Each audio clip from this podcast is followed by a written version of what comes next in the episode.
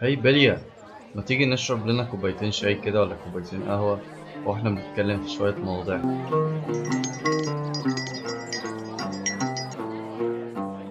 طيب أنا هكلمكم شوية عن حاجات بنعيشها في الحياة حاجات بلاحظها في نفسية الإنسان وشوية بحث وتعمق في الموضوع كده.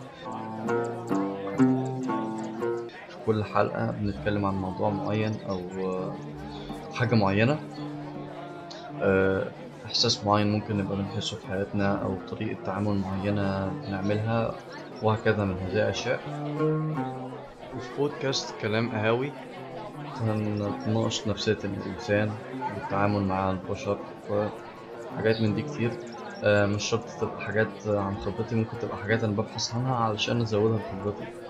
أو آه، وأنا خبرتي في الحياة مش كبيرة عادي يعني فاهم؟ لكن آه، برضو حابب أناقش الموضوع وحابب أفضفض في الموضوع. وبس.